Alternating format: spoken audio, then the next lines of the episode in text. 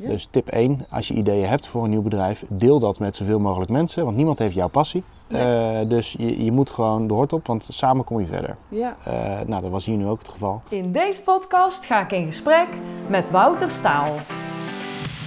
Welkom en goed dat je luistert naar deze podcast volop inspiratie over ondernemen in horeca, leisure en hospitality. Mijn naam is Miriam Ermes. Ik ga in gesprek met ondernemers en managers uit de allerleukste branche over blunders en succesgeheimen. Met waardevolle praktische tips hoe jij de verwachtingen van jouw gasten kunt overtreffen. Dit is jouw inspiratiepodcast. Dit is van blunders tot succesgeheimen. Welkom Wouter. Leuk. Super fijn dat je te gast wil zijn in mijn podcast van blunders tot succesgeheimen. Eh, mochten de luisteraar wat vogeltjes horen, dat kan kloppen, want we zijn in eh, Eerbeek in de natuur en we zitten heerlijk buiten van het zonnetje te genieten. Klopt helemaal. Heerlijk dagje. Ja, precies. Ehm, zou jij je allereerst even kort kunnen introduceren? Dus wie ben je en wat doe je? Ik ben Wouter eh, Staal, oprichter-eigenaar van Yogurt Barn, inmiddels YB. Daar komen we zo op terug. Eh, ik ben 39, twee kinderen. Ehm, samen met mevrouw Esther zijn we dus oprichter-eigenaar van het bedrijf. Daarvoor was Esther fysiotherapeut, eh, dus totaal niks met horeca of merk of wat dan ook te maken. En ik was marketingdirecteur bij Philips. Eh, gouden kooi verhaal, zeg maar. Geen dan- horeca? Nee, nee, nee. nou, we verkochten wel alle Philips producten aan eh, de hotellerie. Oh ja. Maar dan hoofdkantoor Accor, Hilton, Marriott, een beetje zo. Ehm, dus dat vond ik wel heel mooi. Maar nee, dan op een gegeven moment ga je op vakantie. Ja, en dan verandert je wereld. Ja, precies, want daar is het allemaal begonnen. Ja. En wat is daar precies, wat hebben jullie daar ontdekt? ja, wij waren dus, eh, ons dochtertje was net zes maanden. En Esther en ik, dat is nu 2011, eind 2011. Dus eh, tien jaar geleden, eh tien en half jaar geleden. Toen waren we op vakantie, een van de vele vakanties vanuit de Gouden Kooi, dat het allemaal kon. De enige beperking was vakantiedagen, maar alles kon zeg maar. Eh, toen waren we aan het rondtrekken in Andalusië en in Sevilla kwamen we overal frozen yoghurt tegen. En eh, toen dachten we toch echt een keer van nou, eens even proeven, weer eens wat anders dan een ijsje. Eh, en dat was het begin eigenlijk van, oh oké, dit is een gezonde variant op ijs. Eh, yoghurt als basis, bijzonder. Nou, dat bleef een beetje plakken die, die dagen. En toen kwamen we erachter dat wij Nederlanders de meeste yoghurt ter wereld aten, Oké. nog steeds. Ehm, Kwam je daar achter? ja, want s'avonds met een kind van zes maanden, dat weten de luisteraars misschien ook wel. Dan, eh, ja, dan als je op vakantie bent, dan om zeven uur is het wel een beetje klaar. Ja. Dus dan eh, zit je aan je, eh, je appartement vast. En dan, dan ga je in Spanje in ieder geval, wij, ga je wijn drinken. En dan komen de discussies van de dag weer naar voren. En we wilden altijd al iets voor onszelf doen.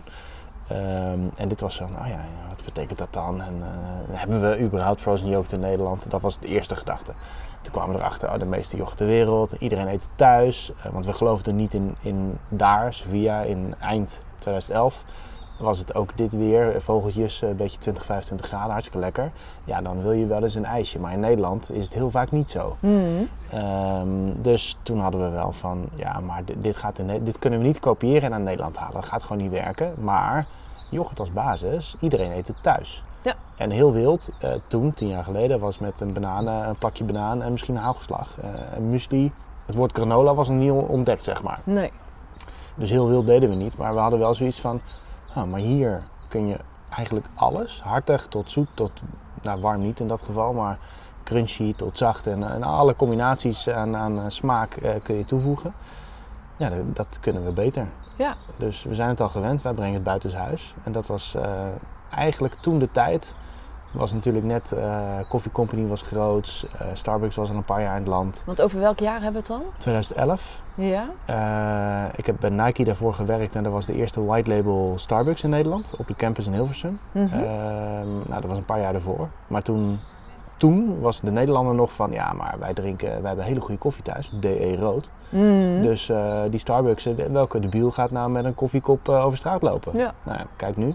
ja, het is wel iets anders geworden. Dus ehm, toen was het van, ja, wij gaan net als eh, koffie buitenshuis brengen. De Starbucks of de Coffee Company lokaal. Wij gaan yoghurt buitenshuis brengen. Ja. En dat is zeg maar de basis van het idee geweest. eh, waarmee we onze jobs hebben opgezegd, angels aan boord hebben gehaald en onze eerste locatie hebben geopend. Oké, en dan heb je het over 2011, want je hebt eigenlijk meteen na je vakantie ben je in de actiemodus gegaan dan? Of ben je eerst Ja. met mensen gaan praten? Of hoe? Ja, beide. Eh, normaal kom je terug van vakantie, dan zit je in je, in je normaal dagelijkse sleur van nou, kind en werk. Mhm. En dan laat je het idee voor wat het is van, joh, dat doet iemand anders maar. En dan een paar jaar later, dan zie je het ineens groot worden en denk je, ja, fuck, had ik moeten doen. Te laat. Het- ja. Heel vaak hebben we dat gehoord. Oh, dat idee had ik ook. Ja, had je moeten doen. ja, ja. Eh, of niet. Dat is een keuze. Komen we zo ook wel op, denk ik. Eh, maar eh, 2000, begin 2012 het bleef knagen. eh, heb ik via... Ik zat in een talentenprogramma van Philips. En bij mijn coach had ik gezegd van... joh, ik loop met deze gedachten. En die zei, joh, eh, onze CMO, eh, Chief Marketing Officer... is de hoogste baas van marketing eh, wereldwijd Philips. Nou, dat is een beetje je held dan, zeg maar, als je Mhm. marketeer bent. Die heeft net zijn aandelen Coffee Company verkocht. En die is een hoge pief geweest bij Starbucks. Die wil met je praten. Mooi. Ja. Dus tip 1, als je ideeën hebt voor een nieuw bedrijf, deel dat met zoveel mogelijk mensen, want niemand heeft jouw passie. Nee. Dus je, je moet gewoon de hort op, want samen kom je verder. Ja, nou, dat was hier nu ook het geval. Dus Es en ik met kik in de knietjes in februari 2012 eh, naar hem toe. En eh, gewoon ter kennismaking dachten wij. En aan het eind van het gesprek zei hij van... eh, ja, ja, eigenlijk zou je gewoon een paar maandjes in Starbucks moeten gaan werken om te voelen wat horeca is. Mhm. Hadden we echt moeten doen. Als we het heb je hadden niet gedaan. gedaan. Nee, Nee. goed ook hè, anders was het niet, niet van de grond gekomen. Hadden we het nooit gedaan. Oh jee. Maar hij zei, ik wil wel investeren. Oké. Toen wisten we nog niet eens wat angels en aandelen waren. Maar we hadden een investeerder. Dus, eh, en toen was het ineens van eh, in de auto terug vanaf Amsterdam naar, eh, naar Utrecht. Van, oh ja, ja, ja nu, nu gaat het echt beginnen. Maar dan heb jij al best wel snel je baan opgezegd. Of heb jij dat ernaast gedaan? We hebben de- het aanlooptraject, toen hadden we nog gewoon onze baan. Ehm, en we- in april hadden wij onze investeerders zo'n beetje rond april, mei hadden we er vier. Dus, eh, en dat waren ook de DGA van Coffee Company en eh, wat andere daaromheen. Eh, dus we hadden aardig wat kennis en, en daarmee ook geld binnen voor startkapitaal. En eerste locatie Neuden is in sep- begin september 12 geopend. En ja, na hebben je vakantie. eh, negen maanden daarna. Ja. Ja. tien maanden. Oh. Ja. En want jij bent echt een marketeer. Ja. En jouw vrouw? Esther is fysiotherapeut. Ja, want wat is haar... Hoe, eh, hoe zit dat? eh, want jij hebt eh, je ervaring vanuit je, je marketing. Dat zie je dan denk ik ook heel erg terug. Ik denk dat je dat ook heel erg kwijt kan in... Ja, ja en nee, want de marketing van tegenwoordig, socials bestonden niet. Nee, dat is waar. Ik zat in B2B en B2B socials, dat was al sowieso niks. Nee. Influencers, de- die naam was ook nog niet uitgevonden, bij wijze van. Eh, dus marketing, eh, bij Philips marketeer zijn betekent dat je vooral bureaus aanstuurt. Je doet zelf niks, je hebt een budget en dat Ah. verdeel je over bureaus. Ja. Dat is gewoon hoe je marketing doet bij een groot bedrijf. Ja. Eh, ja, we deden hele leuke dingen en heel veel vrijheid en super tof. Maar eh, ja, Esther komt bij Visio vandaan, dus daar word je voor opgeleid. Net als Ja. een arts, daar word je voor opgeleid. En dat doe je en dan kun je je specialiseren in, in linksom en rechtsom. Maar ja, heel veel anders word je niet. Ho- Hotello eh, leert alles, maar dit is echt de andere kant. Ja. Dus ehm, ja, die, die, eh, die, die is ook wel meer ingetogen. Ja. Die vindt dit soort dingen, een podcast, dat zal ze echt nooit doen. ik weet nog, het eerste jaar kwam ehm, een, een interviewverzoek van een of andere grote krant, ik weet niet meer welke, over eh, ondernemende vrouwen. Echt vier pagina's, echt grote exposure. En wij, ik dacht meteen, ja, moet je doen. Dus, Ja. Nou, echt no way. Nee? En ik kon het niet doen, want het ging over powervrouwen, zeg maar. Nee, dat gaat niet. Dus eh, nee, dat, dat werkt niet. Maar nee, zij is op de achtergrond gewoon met, met... eh, Ik denk dat ze zeker in de beginjaren gewoon eh 80% bedacht heeft. En we noemen er altijd hoofdethiek. Oh ja. Als iets niet door de beugel kan, dan heeft ze dat al wel van tevoren bedacht. Dus zij is veel meer van de details. Ja. Eh, en eh, het is heel handig thuis, ook qua sparringspartner van... Ook nu, vanmorgen ook nog. Gewoon, joh, welke kant op en dit en dit. En eh, ja, dan kun je gewoon samen als de kinderen naar school zijn, dan kun je een stukje wandelen. En dat, dat is Ja. beter dan op kantoor zitten. Ja, zeker. En ik ben degene die, die alles doet dan. Hm. En de verantwoordelijkheden heeft. En naar buiten toe treedt, gezicht van. Ja. Eh, en eh, de teams aanstuurt. Eh, Dat doe zij- je ook. Ja, Ja. maar zij, zij heeft de voelsprieten. Ja. Dus als er ergens iets niet helemaal lekker gaat, dan... Is eigenlijk gewoon de, de echte vaste kracht op de achtergrond. Ja, ja, ja. Ja. En, en je had toen één vestiging in Utrecht. Dat is de eerste. Ja. Inmiddels zijn het er 13? 13. Ja. Allemaal een eigen beheer of Ja. Geen franchise? Nog niet. Nog niet. Die opent over een maand. Oh, eerste. serieus? Ja, Oh, in het buitenland. Je hebt de primeur. Oh ja? Ik mag nog niet met naam en toenaam vertellen. Oké. Maar Ook eh, niet waar? eh, in Brussel, Oké. Ja. Leuk. onder een master franchise contract. Ah. Openen we, nou het ziet er nu naar uit, eh, eind april. Oké. De bouw is nu vol bezig. Eh, wij zijn nu vol bezig. En die wordt volledig plantaardig. Oh, mooi. Ja. Want die eerste eh, yoghurtbarn in Utrecht, die was ook al plantaardig of nog Nee. niet, hè? Helemaal niet, Nee, toch? nee, nee. 2012 eh, zijn we begonnen, dus september. Dus nou, die tien maanden na idee. Ja. Banen opgezegd en gewoon met je... Ik heb elke minuut van opening die eerste maanden gestaan. Ja. Inmiddels hadden we, was Esther zwanger van onze tweede. Die is inmiddels acht. Oh, dus dat nou, gaat heel snel. ja. Ehm, en eh, dus zij hielp mee eh, zoveel ze kon op de vloer. eh, en ik stond er elke minuut van de dag. Dat was niet plantaardig in 2012. eh, ik denk dat Alpro net een beetje aan begonnen Mhm. met, met soja. En ik weet nog in 2013 denk ik dat het was. Dus al vrij snel kwam zo'n een, een field sales iemand die kwam langs om Alpro te proeven, te laten proeven. En we hadden echt zoiets, joh, wat is dit joh, wat is dit voor vieze meuk. Niet lekker. Ja, nee. dat is toch helemaal niks. Nee. Je gaat vergelijken met wat je kent. Zo- gaat dat. Ehm, dus eh, dat, dat hebben we eigenlijk een beetje weggehoond. Eh, toen hadden we vooral, dat was, was altijd al biologisch. Alles, dat was een, een van de prioriteiten bij ons. eh, en dat is ook heel makkelijk. Alles wat van dieren komt, moet biologisch zijn. Oké. Dus de eieren, room, slagroom. Alle dierlijke producten. Ja. En de rest hoeft niet. Het moet gewoon vers en lekker zijn. Want als je ook bijvoorbeeld frambozen naar bio gaat trekken, is gewoon niet te doen. Eh, Nee. En commercieel niet haalbaar. eh, beschikbaarheid, het is niet per se lekkerder. Eh, nou, da- daar denken we ook anders over na. Ik denk dat we daar, als we naar de toekomst gaan kijken, dan is biologisch ook nog een onder- onderwerp. Maar toen dus niet plantaardig, maar wel alle zuivel bio. nog wel een grappige, grappige anekdote dat, over wat voor rol Esther ook speelt. Vlak voor opening, eh, in die zomer, september, eh, hadden we, nou ja, je, je bent je, je retailconcept, je merk bent bouwen, je, je bent van alles en nog wat bezig.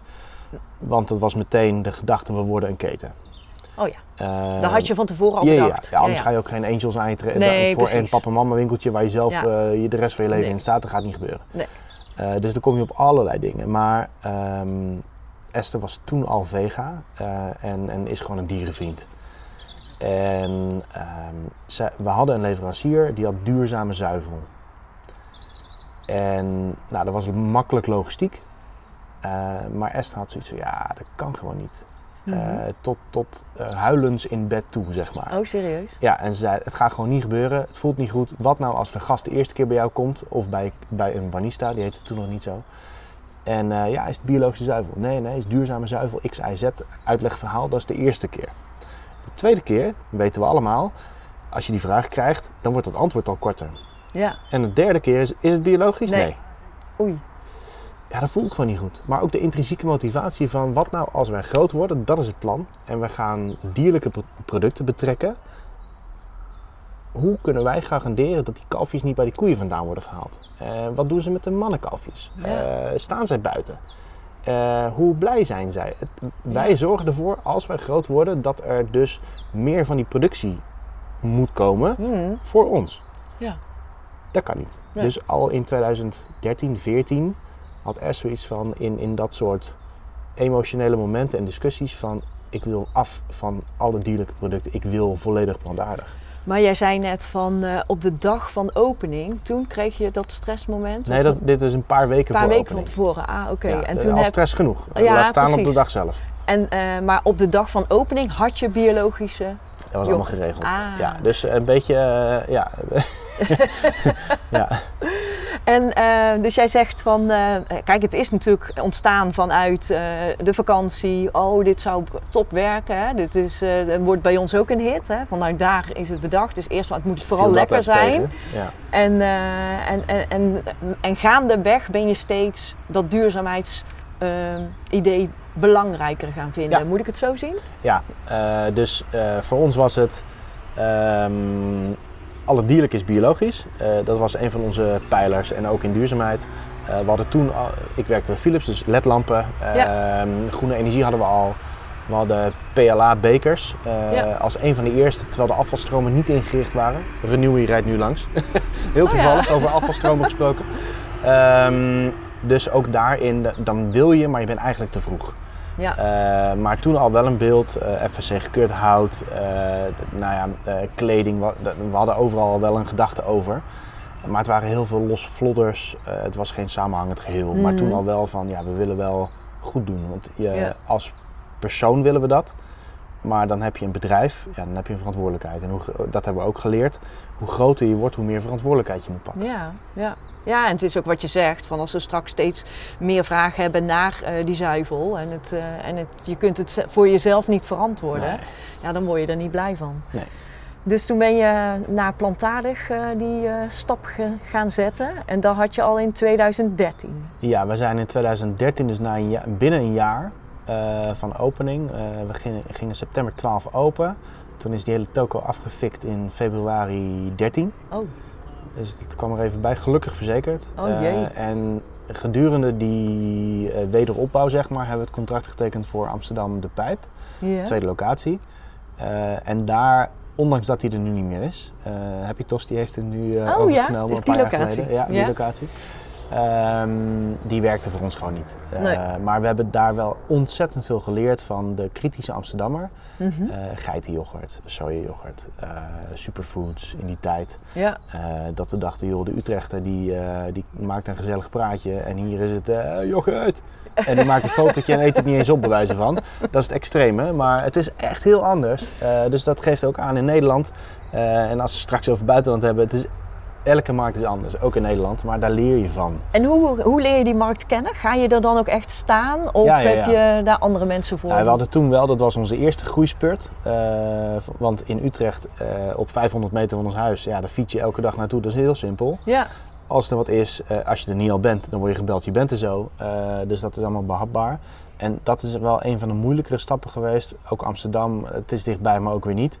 Je bent toch een uur van deur tot deur bezig. je continu onderweg.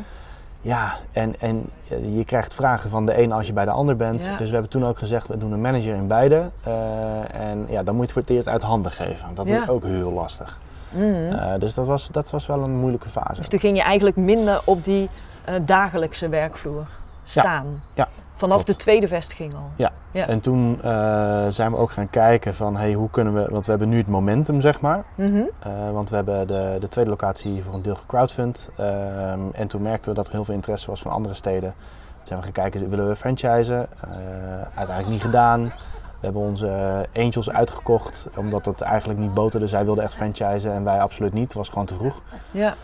Ehm, en daarna zijn we uitgerold eh, naar Haarlem, naar Den Bosch, naar Den Haag. eh, en uiteindelijk naar die 13 die we nu hebben. ja. En hoe Ja. kies je die steden?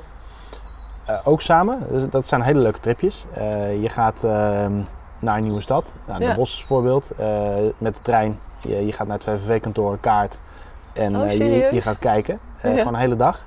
En aanlooproutes. Waar zitten de bekende winkels? Ja. Ehm, en vaak kom je niks tegen. En dan heb je een aantal panden gemarkeerd. En dan ga je makelaars bellen. Van, hey, of eh, eigenaren van die winkels. Ja. Eh, of de winkels die er zelf in zitten. En heb je nog bepaalde winkels waar je wel of niet bij in de buurt wil zitten? Dus eh, heb je dat? Of, Nee. nee, als ik nu bijvoorbeeld naar Breda kijk, die ken ik dan toevallig, omdat ik daar in de buurt Nou, we woon. zitten Daar zit altijd je... wel bij een dille. Ja. Eh, en de Kinky Kappers zit er ook altijd wel een beetje de lokale aanloopstraat is Ja. het, waar de, de, de nog net niet ketens zitten. Het is net buiten de ring van het centrum. Ja, waar Ja. alle andere daghoreca ook zit. Ja. Eh, we zitten vaak bij een bagels, eh, bij een chocolate company. Ja, precies. bij, dat, dat, zit- er allemaal wel Ja, omheen. trekt elkaar ook allemaal een beetje aan. Ook omdat dat de toen nog betaalbare horeca locaties waren. Ja, ja. Dus dat was voor ons ook wel belangrijk. Ik kreeg ook laatst, een paar jaar geleden al, van, van iemand van, die wilde naast ons komen zitten. En die zei van, joh, ja, maar eh, 90.000 huur is de nieuwe 60. Ik zeg, Huh? sorry. Nou, succes. Eh, is jouw koffie ook eh 7 euro is de nieuwe 3? ja precies. Eh, oh dus- jeetje. Ja. Oh joh. Oké, maar inmiddels dus eh, 13 vestigingen en ehm, over een aantal jaren 100% plantaardig? Moet ik het zo Eh, nee, eh, misschien dan wel dit jaar. Oh, misschien al dit jaar? Ja, we- nou ja, in die zin, ehm, we, we hebben de afgelopen, vooral, nou, ik denk twee jaar, eh, hebben wij alles op alles gezet om alle producten waar ingrediënten dierlijk in zitten te switchen. Ja. Eh, frozen yoghurt is daar een heel belangrijk voorbeeld van. Dat was als je onze. Wij meten alles wat we doen in, in broeikasgassen. Eh, en dan zie je gewoon dat dierlijke producten, bewerkte dierlijke producten, dat die extreem hoog scoren slecht, zeg maar. Ja. Eh, dus we wisten van, joh, dat is een van onze grootste producten, vooral in de zomer. Die moeten we switchen. Maar ja, daar zijn zoveel... Dat is hetzelfde als wanneer McDonald's zegt, de, burger, eh, de, de, de Big Mac wordt nu plantaardig. Standaard. Dat, Dat is best een beslissing. Ja. Daar ga je mensen mee verliezen, daar ga je mensen mee winnen. Ja. En dat is wel, eh, we hebben het gedaan. We hebben eerst eh, ehm, nou ja, zelfontwikkeling, zeg maar, met de producent van joh, hoe kunnen we naar plantaardig. Eh, we hebben blind tasting gedaan met personeel. Eh, we hebben gewoon twee weken lang op twee locaties eh, verkocht, zonder te zeggen. Oké. Zonder te zeggen. Zonder te zeggen. Daarna ook vragen stellen of dat Ja. niet? Ja. En eh, nou, men was wel redelijk enthousiast. Gewoon lekker. Met toppings proef je het eigenlijk niet. En heb je dan soja of heb je een andere? Nee, is met erwten. Met erwten. Oké. Ja. Dus eh, bij plantaardig is heel vaak een groot bestanddeel water. Mhm. Ehm, ja, met zuivel eigenlijk ook wel. Alleen komt het via dier, maar hier betrek je gewoon Ja. water zonder het dier. Ja. Eh, nee, dit is, eh, is erwten. Oké. Dus ook met eiwitten en, eh, en een zuurtje om, om, om de yoghurt na te bootsen. Dat is dan nu nog belangrijk. Ik denk Mhm. dat het in de toekomst wat minder is. Maar ook room, croissantjes, die hebben we zelf gesourced. Was niet in Nederland verkrijgbaar, wat wij lekker vonden. Eh, alle patisserie wat we hadden, onze bananencake, blueberry, eh ons kokosbrood, al ons gebak, is allemaal plantaardig zonder dat we het per se van de daken schreeuwen. Mhm. Eh, dat hebben we, ja, onze patissier kon het niet, Slieger kon het niet leveren. Ehm, het was er gewoon niet. Dus we hebben Upfield gevraagd. Jullie hebben de ingrediënten en de kennis. Hutten, jullie hebben de zorgbakkerij. Jullie kunnen bakken. Ja. Wij hebben de volumes. Ja. We gaan het met z'n drieën maken. En dat heeft een jaar geduurd. Dus dan mijn ongeduldig, dat komt weer. Eh, we hebben nu de laatste taart, de, de Oreo, eh, de Oreo chocoladetaart is nu af. Oké. Eh, de rest, Red Velvet, de, alles, alles is al af. Eh, en daarmee merk je dus ineens van... Jeetje, wat gek dat het er niet is.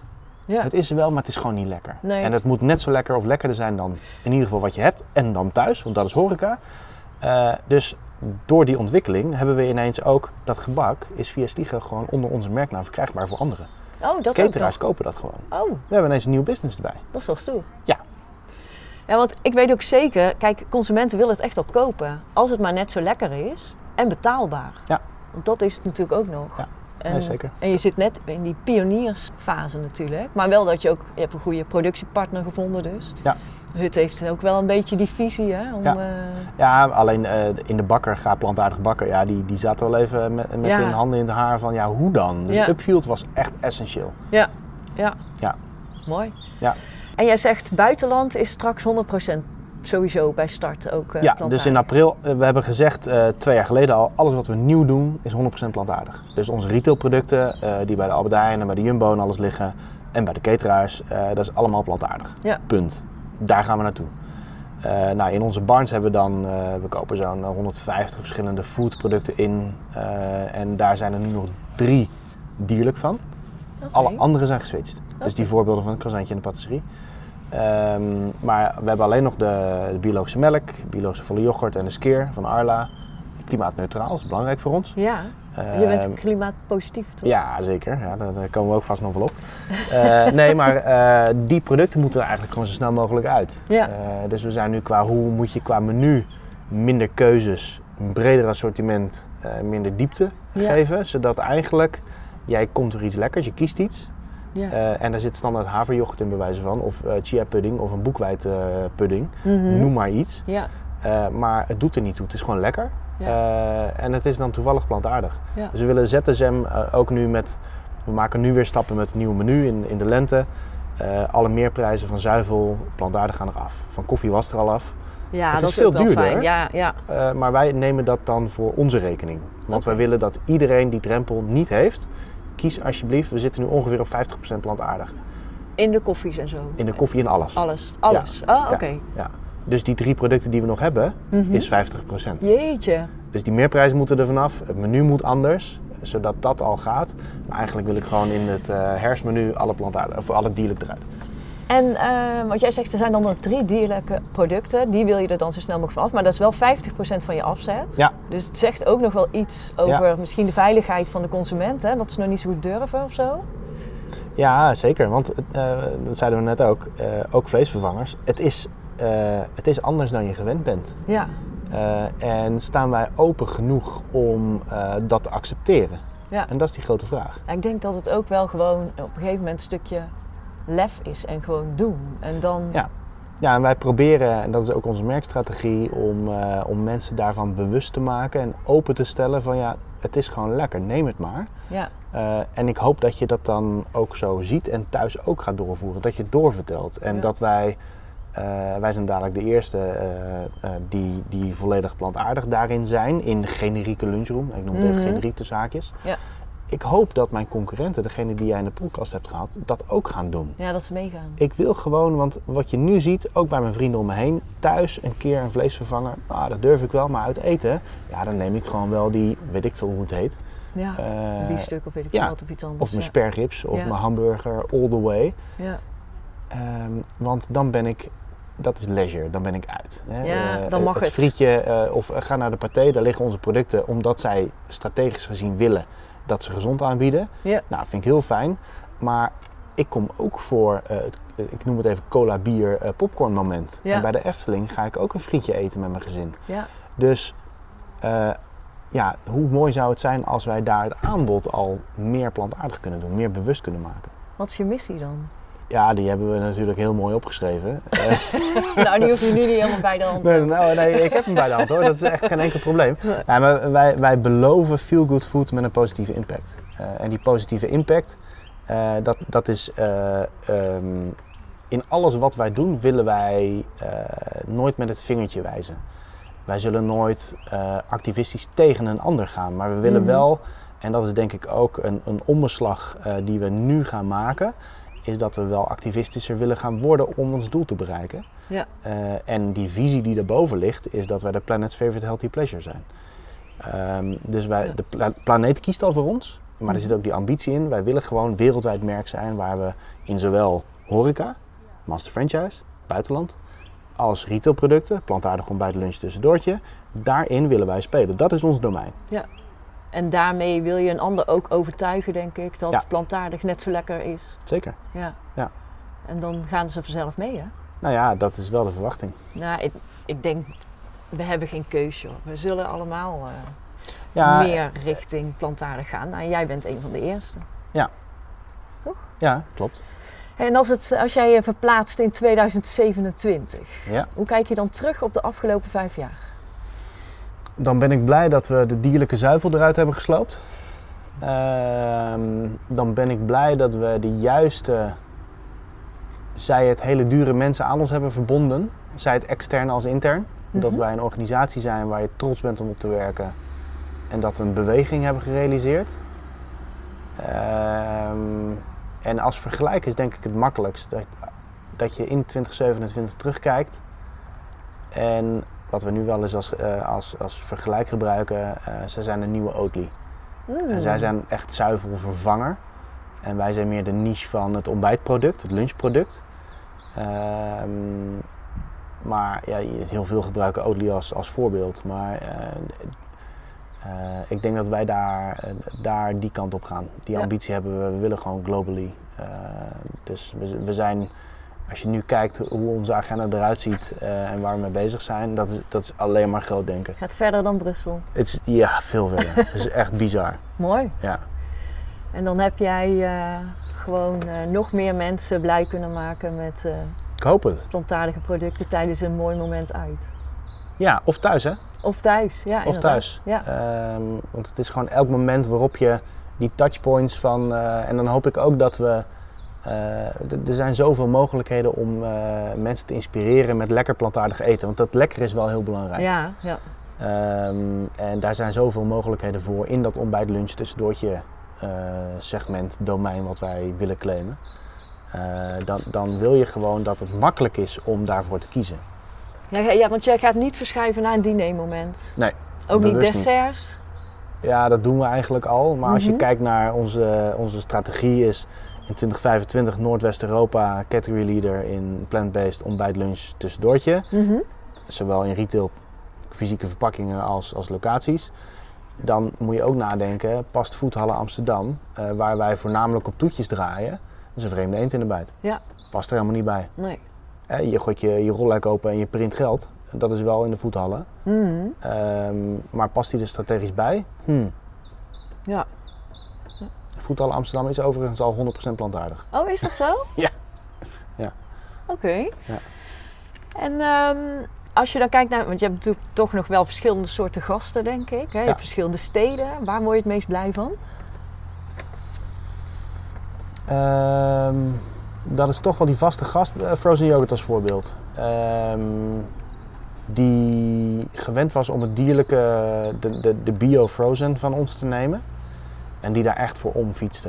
Ehm, en die dan proactief wel vraagt van... hé, hey, maar het is, even, het is volgens mij wat anders. Klopt dat wel? Mhm. Die niet gelijk een 1 sterren review schrijft van wat een, wat een vieze bende. Die Nee. zitten er ook bij. Mhm. Dat zijn de afvallers van de McDonald's als je, als je hem switcht naar plantaardig. Ja. Dat merken wij ook. Maar die dan, om, die, om de uitleg die, als het goed is, onze barista al geeft, als er dan een vraag gesteld wordt, of in, in de, de, hoe je met een, een feedback omgaat, dat hij dan zegt van, eigenlijk is het nog lekkerder op die manier. Ja, ja, ja. En dat hij ervoor open staat, eh, want wij mikken helemaal niet op die vegans, die 4, 5 procent in Nederland. Nee, dat is Eh, nog te Dat is veel te klein. Ja.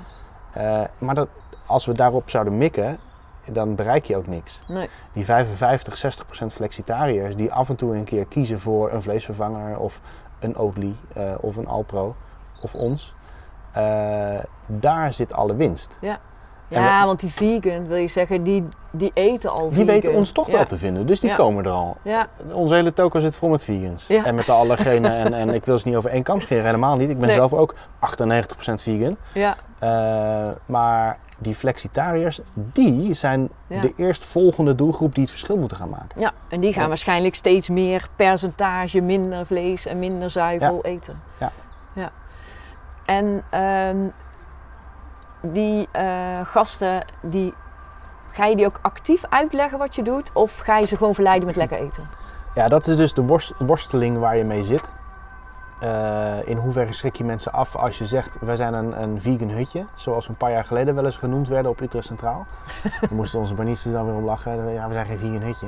Ehm, nee, dat zijn we ook niet. Maar ik denk dat die opinie wel aan het veranderen is. En wat ik net aangaf, eh, we willen wat meer activistischer gaan worden. En je mag best wel trots zijn, denk ik, als je zegt van joh, eh, we zijn 100% plantaardig. Ja, Ehm, maar we hebben wel een setting waarin jij gewoon lekker kan zitten en je momentje kan pakken op het moment van de dag. Eh, maar weet dan, dat dat feel good food. Het is net zo lekker of lekkerder dan thuis. Mhm. Eh, en wat je gewend bent. Maar het voelt nog beter omdat je goed bezig bent voor jezelf. Ja. Voor dieren. Want we halen dieren uit de keten. ja. En voor het klimaat. En daar komt het klimaatpositieve in. Eh, om daar. En dat is hele technische materie. Dus daar kun je een gemiddelde gast niet mee om de oren slaan. Want die snapt er gewoon helemaal niks van. Nee, is ingewikkeld. Ja. Ehm, maar door een QR-code op je menu te laten zien, waarbij je eh, op een, een bepaald vijf kleurenpatroon kan kiezen voor een duurzamer alternatief op je menukaart. ja, Ja, dat is dan weer een grappige manier, op een positieve impact Om manier, waarop te- je. Ja, om het duidelijk te maken, een beetje eenvoudig. Ja. En wat is jouw, eh, die barnista's, mooie naam trouwens, Ehm, wat is hun rol eigenlijk? zij zijn dagelijks in contact met de gast. Ja. En we hebben anderhalf miljoen gasten, normaal gesproken, even corona weggedacht per jaar. In- Anderhalf miljoen? Ja, in onze barns. En ja, het is een hartstikke mooi aantal. Zeker. Eh, en dan da- daar komt ook weer strategisch geduld eh, als je het straks over de, de failures hebt. Als ondernemer heb je strategisch ongeduld. Maar als je gaat nadenken en we hebben die, die anderhalf miljoen gasten, laten we die dan meer aan ons verbinden Ja. en een community vormen. Ja. Eh, want dat is, waarom moet je nog een stad erbij? Ja, Dus, eh, en dat heeft natuurlijk ook, eh, en dat is nog een failure, hoe je je jezelf financiert. Ehm, wij, we hebben bijna alles met vreemd vermogen gefinancierd. Dus Mm. een gigantische aflossingsdruk. Elke barn kost 2,5, 3 ton. Ja, die is dan wel operationeel winstgevend vanaf dag 1. Maar zie dat maar eens terug te verdienen. ja, Dan ben je een paar jaar verder. Mm. Eh, en als er eentje het even niet doet, moet de rest het wel dragen. ja. Dus Ja. we hebben altijd, ehm, wij moesten altijd zwarte cijfers draaien. Eh, en daardoor hebben we nooit echt in kunnen zetten op merk. Of in kunnen zetten op, we gaan eens totally crazy in design. Ja. Of we, we, ehm, dat is altijd maar behouden geweest om de korte termijn winstbejag. Want we Mhm. moesten terugbetalen. Ja, ja. Toen moest je Eh, aan je investeren zoals je dat verplicht. Ja. ja. Hey, en nog heel even terug naar die, eh, die barista. Want die barista is, de, eh, die is dagelijks in contact met, die, met die gast. Ehm, die krijgt ook alle, allerlei barista-opleidingen. En, We hebben een YB Academy. Oh, oké. Die hebben, eh, we hadden alles op papier en toen kwam corona en hadden we ineens tijd. Ja. Want na twee keer je bankje lakken ben je wel klaar. Dus toen gingen we zoals heel veel ondernemers denk ik andere dingen doen. Eh, en nou ja, eh, één daarvan was van eh, joh, laten we alles wat we hebben in allerlei e-learning zetten. Met filmpjes, met, eh, met, met vragenlijsten en examens. En, eh, dus dat, dat hebben we inderdaad. Dus en dat ook- gaat dan over productkwaliteit, maar het gaat ook over gedrag of dat gaat Ja. over alles. Ja, hoe je met gasten omgaat, hoe je met klachten omgaat. Ja. eh, de, de vijf fasen, eh, hoe je eh, van binnenkomst tot, eh, tot weer weggaan. En hoe je die mensen blijer naar buiten stuurt. Ja. En wat wil je dan verteld hebben? Eh, en hoe ga je op, up- en cross-sell, hoe ga je dat doen? De, duurzaamheid, alles zit erin. Alles zit erin. Ja. Mooi. Hey, en Wouter, waar ben je het meest trots op? Wij vieren heel slecht dingen. Oh ja? Ja, echt nooit. Want Zou dan je ben daar eens mee moeten beginnen? Ja, nou, dat, is echt, dat zeggen we zo vaak tegen elkaar. Eh, maar Esther is ook zo'n eh, nuchtere tante, dus dan, is het, dan ben je al heel lang met een bepaald... eh, zo, neem zo'n Brussel die in april opent. Daar ben je al een jaar mee bezig. Mhm. En dan is die dadelijk open. Ja, op naar de volgende. En dan ben je weer met een ander project bezig. Ja.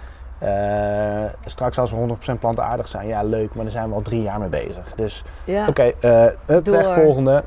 Dus we zijn nu alweer bezig. Hoe kunnen we van plantaardig naar biologisch, lokaal regeneratief? Eh, dat zijn onze doelen voor 2030. Hoe kun Ja. je daar naartoe? Dus ehm, waar ben je het meest Ja, trots ik wil op? zeggen, waar ben je dan het meest trots op? Ehm, eh, dat we wel continu onszelf blijven uitdagen om nog een stap verder te gaan. Eh, verpakkingsloos. Ehm, we zijn bezig met 1% for the planet. Eh, we zijn al B Corp. We, we hebben nu net eh designbureau eh, de uitvraag gedaan van joh leuk dat franchise. Eh, maar ga eens eventjes, wat we nu hebben, we hebben we. Mhm. Maar wat what's next? Oké. Dagen ons uit. Hoe, gaan we met ons merk om? Hoe kunnen we meer activistisch zijn? We, we zijn nu op heel veel fronten aan het strijden zeg maar, voor onze strategie en onze missie en visie. Ehm, dus dan, ja, in die fase waarin we nu zitten en die balletjes hoog houden, dat, dat met het team, dat, daar ben ik wel heel erg trots op. Ja, ja. Ja. ja. en maar sta er dan ook af en toe stil. Ja, dat moet ik wel vaker doen. Ja. En samen en met de mensen die, eh, die het met je doen. Ja, ja, dat is Dat waar. is natuurlijk wel super mooi wat je al neer hebt gezet. Ja, ja, zeker. Maar da- daar staan we inderdaad niet bij stil. Het Nee. is altijd van hoe kunnen we het nog beter maken? Hoe kunnen we meer impact maken? Ja. Ja. En wat is dan jouw grootste succesgeheim? Ehm, nou, dat, dat is denk ik dat je... ehm, Als je ergens voor gaat, moet je er gewoon vol voor gaan. Ehm, ik ben heel erg ongeduldig. Dus dat heeft er ook mee te maken dat... en daarmee minder van de details. Mhm.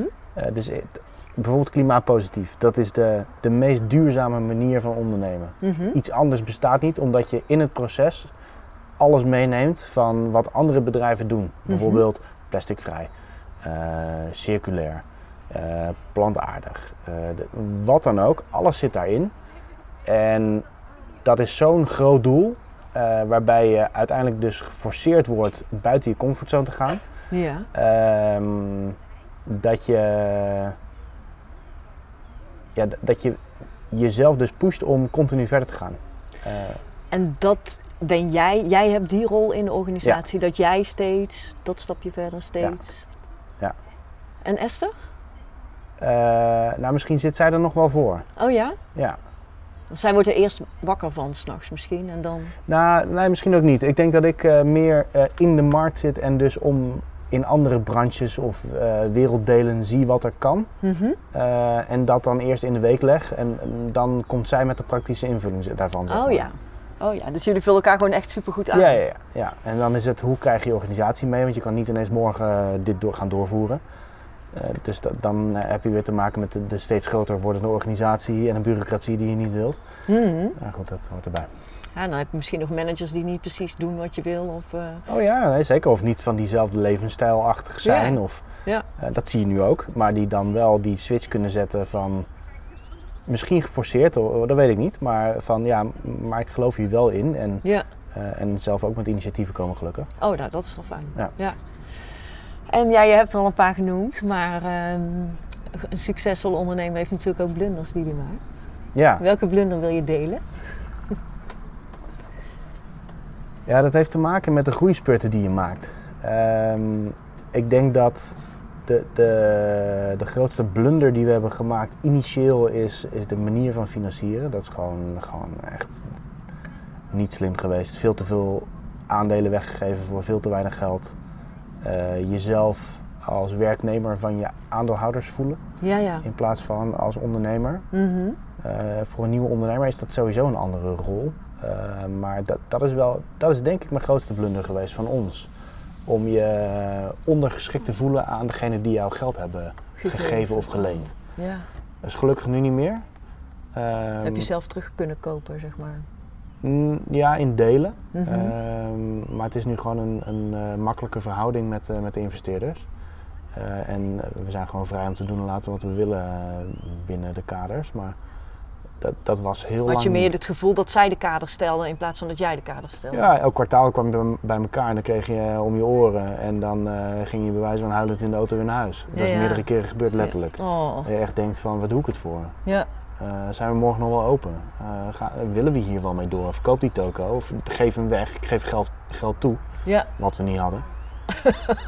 Eh, dus ehm, ja, en, en vergeet niet, ondernemen is gewoon keihard werken. Ja, Het is zeker. voor ja. heel weinig geld. Dat je echt denkt van, we zitten nu in een fase dat je denkt van, het merk wordt wat waard. Mhm. We gaan de goede kant op. Maar de eerste tien jaar, ja, eigenlijk niet. Nee. En, en dan heb je nog eh 99% van de bedrijven die nooit iets waard worden Ja. als merk. Mhm. Dus weet wel Nou, waar dat heb jij doet. wel. Je hebt wel in ieder geval een merk opgebouwd, Ja, ja zeker. toch? Ja, Dus, eh, en dat, ik marketeer, dus dat was Ja. altijd mijn droom. Precies. Eh, ik wil ja. een merk bouwen. Ja. En dan is het toevallig yoghurt. Ja, en, eh, het had ook een matras kunnen zijn, bij wijze van. Eh, Straks is yoghurt niet eens yoghurt meer. Nee, absoluut. Oh ja, ja. Dus dat is denk ik eh, een hele belangrijke rode draad als je het hebt over falen. Je moet jezelf niet wegcijferen. Eh, Ja. je moet heel realistisch zijn in... oh, wat is het toch leuk om te ondernemen? Ja, flikker en end op. Hmm. De eerste jaren is echt niet leuk. Nee, Uitzondering daar gelaten, maar het is echt niet leuk. Nee. En heb je daar wel van geleerd? Zou je het anders doen als je nu opnieuw zou moeten beginnen? Ja, misschien moet je vraag zijn, zou je het nog een keer doen? Of zou je het nog een keer doen? Ja. Ehm, nee, Zou je het niet nog een keer doen? ik Want? zou dit niet nog een keer hebben gedaan. Te veel stress de afgelopen tien jaar. Het enige voordeel van de afgelopen tien jaar is dat ik zelf mijn tijd heb kunnen inruimen en dat ik er dus ben geweest bij het opgroeien van mijn kinderen. Hmm. Want waar draait het om? Werk je om te leven of leef je om te werken? Ja, je hebt heel veel gewerkt, zul je zeggen. Ja, maar ik was er wel wanneer ik er wilde zijn. Ja. Dus ik bracht altijd mijn kinderen naar de crash en naar school. Ja. Ik stond er als ik wilde om ze op te halen van school en ik kook elke avond. Ja. Ik bracht ze naar bed elke avond. Als ik bij Philips had gewerkt, had ik dat allemaal niet meegemaakt. Nee. Dus daar ben ik heel dankbaar voor. Ehm, maar in die eerste jaren was het, eh, dan kreeg ik een belletje van S. Ja, sorry, ik heb geen geld op de rekening, ik kan geen brood betalen. Ja, dat is de keerzijde. Hmm. Dus aan de buitenkant heb je een leuk verhaal. Eh, maar er is ook heel veel pijn en ellende die je dan eh, de eerste jaren hebt. En dat is niet alleen het eerste jaar. Nee, maar jij zegt ook van ik zou het niet opnieuw doen. Maar achteraf ben je neem ik aan wel blij dat je het hebt gedaan. Ja, dat is een andere, andere vraag. Dus ja, dat je hier doorheen bent gegaan. Ja, nee, maar zou ik het nu nog een keer doen? Nee. Nee. Nee. Eh, nee, ik bedenk liever een app en dat gaat, wordt ineens honderdduizend keer gedownload en, eh, ja, en zo. klaar. Maar ja, ben je dan trots op wat je hebt gedaan? Heb je er hard voor gewerkt? Ja, op een andere manier. Ja. Ehm, mensen vragen ook wel eens van, joh, doe je dit nog de rest van je leven? Nee. Ehm, waar word ik blij van? Nou, dat is die positieve impact. Ja. Eh, dus ik vind het mooi om andere bedrijven te helpen om dat te realiseren. Mhm. Eh, het lijkt me ook heel tof om eh, ehm, in, in start-ups te investeren.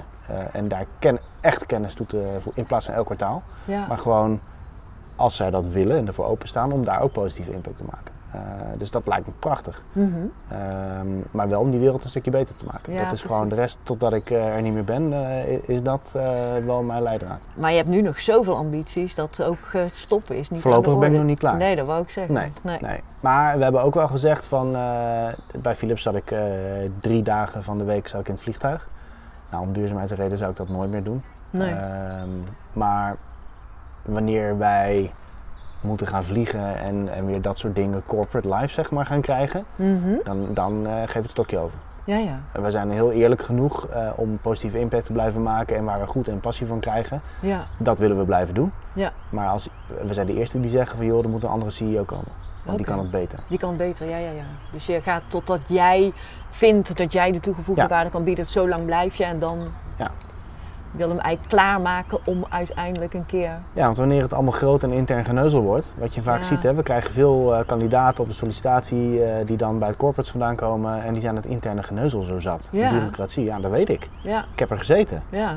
Ehm, en wanneer we dat ook gaan, ik, ik probeer het zo lang mogelijk niet te houden. Ja. Eh, maar als we dat gaan krijgen, dan ben ik er klaar mee. Nou, je hebt natuurlijk ook wel een andere positie dan wanneer je als medewerker in jouw organisatie zou zitten. Absoluut. Dus voor jezelf, je gevoel voordat je daar bent, is denk Ja. ik ook wel anders dan voor mensen die voor jou de marketing doen. Nee, maar het kan wel snel gaan, hè? Ja, ja. Nee, Want als je ja. kijkt nu naar de ambitie en alle plannen waar we nu, die nu werkelijkheid worden, Ja. in de komende maanden al, eh, ja, eh, je hebt gewoon meer mensen nodig. Dus meer structuur. Ja, Eh, dus meer bureaucratie. ja, Ja, dat gaat allemaal wel snel komen. ja. We hebben zelfs al een kantoor. Wow, we hebben al een kantoor. Ja, dat wilden we nooit. Ja, die moesten we wel. Ja. moesten we wel, ja. En ehm, wie is jouw grote voorbeeld? Oh jeetje, die zag ik niet aankomen. Nee? Ehm, nou, ook weer wel. Ehm geëikte vraag. Eh, logisch. Ja, ehm, ik vind in eenzelfde, ik wil me dat niet mee vergelijken, helemaal niet. Maar met het drive naar plantaardig, wat Jaap Korteweg heeft gedaan met de Mhm. vegetarische slager. Ja. Ver voor zijn markt uit. Eh, echt zijn nek durven uitsteken vanuit een boerenfamilie. Eh, Ja, en daar naar plantaardig gaan, dat vind ik prachtig. Ja. En eh, de manier waarop, waar hij heel veel kritiek op heeft gekregen natuurlijk. Ik heb het verkocht aan Unilever en eh, met, dat is een reden omdat die missie daarmee versneld kan worden. Ja. Ja, ik kan me daar wel heel erg in vinden. Ja. Ehm, dus dat, dat zie ik, voor, voorlopig zijn we nog lang niet klaar, maar ik voorzie dat voor YB ook. Ja. Eh, omdat je daarmee meer impact kan maken en je kan aansluiten bij een grotere merkenorganisatie. ja, dan heb je de basis eigenlijk goed neergelegd en dat kan dan uitgerold worden. Ja. En dat kan je zelf natuurlijk nooit zo snel doen Nee. als dat zo'n grote partij dat doet. Nee, want dan moet je overal salesorganisaties gaan, eh, gaan oprichten. Ja. Nou, dat, dat, dat ga ik in ieder geval niet doen. Nee, dat snap ik. Dan wordt het niet leuker van. Nee, nee, dat, voor mij niet. Nee, Nee, de- nee, nee. Dat, eh, ja, en, en nog een tip, eh, die geef ik altijd. Eh, veel mensen in Nederland kennen hem niet, maar Marcus Lemonis, die met The Profit op, eh, op RTL Z, maar CNBC-programma is dat, waarbij die, dat is een, een ondernemer die in Camper World in Amerika zit. Die is volgens mij een net worth van 500 miljoen. Oh, ja, dus een grote jongen. Maar die investeert met zijn eigen geld in start-ups oh, of failing, failing businesses. En die, eh, die hanteert een bepaald principe. Duurzaamheid moet er eigenlijk aan toegevoegd worden. Maar het is heel mooi om te zien hoe hij in zijn programma zijn levenslessen als ondernemer toespitst op start-ups. Van Mhm. allerlei soorten, van fashion tot food tot alles ertussenin. Eh, en dat is, wel, dat is wel echt heel gaaf. Oh, gaaf. Ja. ja. Zie je zelf straks Grote tip. doen. Ja, niet in het tv-programma. Nee, maar, precies, eh, maar wel Op die an- manier Ja. helpen. ehm, met als doel de wereld een stukje beter te maken. Ja, Ja, heerlijk. gaaf. Ja. En de allerlaatste vraag. Dat is Ehm, meestal de moeilijkste. nee, dat valt wel mee. Met wat je nu weet, wat zou je dan vijf jaar geleden als advies aan jezelf hebben gegeven? En dan hoor je de vogeltjes fluiten. Eh, ja, ik ben niet zo van het terugkijken, eh, eerlijk gezegd. Maar wat zou ik vijf jaar geleden... En dan zou hier aan tafel zitten. Ja, ik geloof wel meer in het eh, van alles heeft een reden waarom het gebeurd is. Ja. Ik had kunnen zeggen van in 2017 zijn we van 6 naar 13 locaties gegroeid. Gekke werk. Toen hadden we een operations manager die het eigenlijk niet kon. Heb ik zelf weer gedaan. Had dat niet gedaan, maar daardoor hebben we wel structuur gebracht aan en gaan we nooit meer in een jaar verdubbelen, zeg maar. Of in Nee. ieder geval niet zelf. Ehm, Ja, Nee, al- die- kunnen denken van het komt goed. Toen- nee, dat dachten we toen niet. Nee, Nee. nee, nee, dat, dat, eh, dat was ook weer zo'n moment. Nee, Ja. ik, ik denk alles gebeurt om een reden. Dus ehm, Ja. retrospectief eh, advies, ja, de- misschien hadden we dan nu de kansen niet gehad die we nu wel hebben. Hmm, Nee, ik zou niks veranderen. mooi. Dan heb ik nog een paar stellingen voor je. Moet kiezen zeker. Ja. Ja, ja, oké. Cocktails of mocktails? Cocktails, Instagram of TikTok? Instagram, Internationaal of lokaal? internationaal, Eh, robotisering, is dat een kans of een bedreiging? kans, Eh, nooit meer koken of nooit meer uit eten? nooit meer uit eten. Eh, Niet dat ik van koken hou, hè, maar ik ga bijna nooit uit eten. Oh nee? Corona, is dat een vloek of een zegen? Een vloek humaan en een zegen voor een ondernemer. Oh. Ja, het is echt. Anders had ik hier nu niet zo gezeten. Nee? Nee. Ik, ik ga enorm goed op, op ehm falikante mislukkingen en, en eh, crisissituaties. Dan ga ik helemaal aan. Oh ja? Ja, anders hadden we niet in retail gelegen. Anders Nee. hadden we franchise niet gedaan. Nee. Dan had ik gewoon in de operatie in mijn bedrijf gewerkt. En door crisissen eh, kan ik aan mijn bedrijf werken. En, en gooit het me tien jaar naar voren. Ja, Dus jij bent er blij mee? ja het klinkt heel gek, maar Ja. met die kanttekening, ja. Mooi. Eh individueel of ketenvorming? Voor mij privé of Wat eh, wil? ketenvorming? Ja, dat kan je zeggen. Je denkt dat Ja. jij wel heel erg in de keten zit. Ja. En zomer of winter? Zomer? Zomer. Ja, zeker. zeker. Dankjewel, Nou, lente Wouter. eigenlijk. Wat zeg je? Lente, maar die mocht ik niet kiezen. Nee, die mocht je niet kiezen. Nou Nee. ja, het mag wel. Dankjewel, Wouter, voor Graag je gedaan. mooie gesprek. Heel leuk. Dankjewel voor je tijd. Bedankt voor het luisteren naar deze podcast. Ben je geïnspireerd en vind je het een waardevolle podcast? Deel deze dan op je social media kanalen en vergeet mij niet te taggen. Ben je ook zo nieuwsgierig naar de volgende aflevering en wil je niets missen? Abonneer je dan op deze podcast. Wil je meer informatie over horeca, leisure en hospitality? Ga naar mirianermes.nl en volg me op LinkedIn, Instagram en Clubhouse.